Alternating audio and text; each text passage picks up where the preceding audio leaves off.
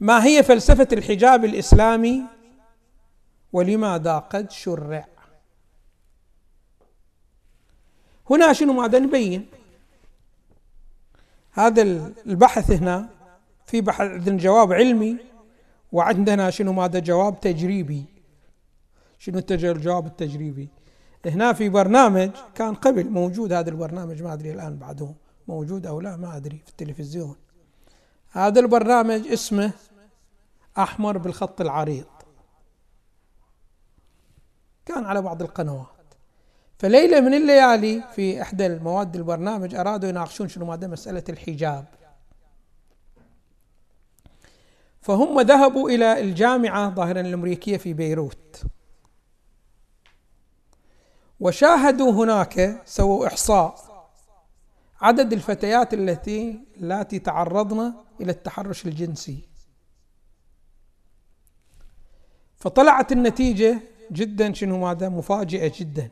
النتيجة 98% من الفتيات تعرضن إلى التحرش الجنسي. في نفس الوقت هؤلاء سووا أيضا إحصائية في شنو ماذا؟ في المملكة العربية السعودية في إحدى الجامعات. فشافوا التحرش الجنسي صفر. باعتبار شنو ماذا؟ ما في اختلاط. فالتحرش الجنسي صفر وهذا شلون؟ فقالوا هي واحدة شنو ماذا؟ من فوائد تشريع الحجاب. أنه شنو ماذا؟ صيانة للمرأة شنو ماذا؟ من التحرش الجنسي. عندما سألوا بعض الشباب هناك في في الجامعة في لبنان سألوهم لماذا هذا التحرش الجنسي؟ فاعتذروا قالوا يعني ماذا تريد؟ أنا شايب أنا شباب الآن. وفي زمن ثورتي الجنسية وإلى آخره.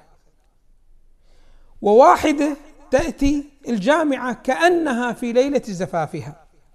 الزينة والإغراء والعرض وإلى آخره، كيف يعني تريدني؟ شو أسوي إلى آخره الشكل ثم سألوا النساء لماذا هكذا تحرش وإلى آخره بكم كثير؟ قالوا باعتبار نظام العقوبات نظام جدا متساهل مع الرجال. القانون قانون ذكوري. إيه ما أدري يريدون أي واحد ينظر للأجنبي يعني إعدام. شكل بهي الصورة بهي الطريقة. على أي حال شنو ماذا هذه شنو ما تجربة عملية بفوائد شنو ماذا بفوائد الحجاب. الإسلام طبعا عندما رأى بأنه الإنسان الله سبحانه وتعالى أساسا شنو ماذا شرع الدين في حقه إنما هو لصالح الإنسان ليبلغ كماله.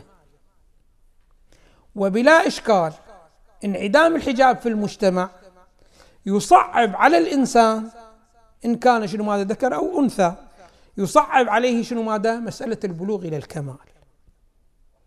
فشنو ماذا شرع الحجاب حتى شنو ماذا؟ يساعد الإنسان ويسهل عليه الطريق إلى شنو ماذا؟ إلى الوصول إلى الكمال. هذا شنو ماذا؟ بلا إشكال. ففلسفة الحجاب هو عبارة عن شنو؟ تسهيل.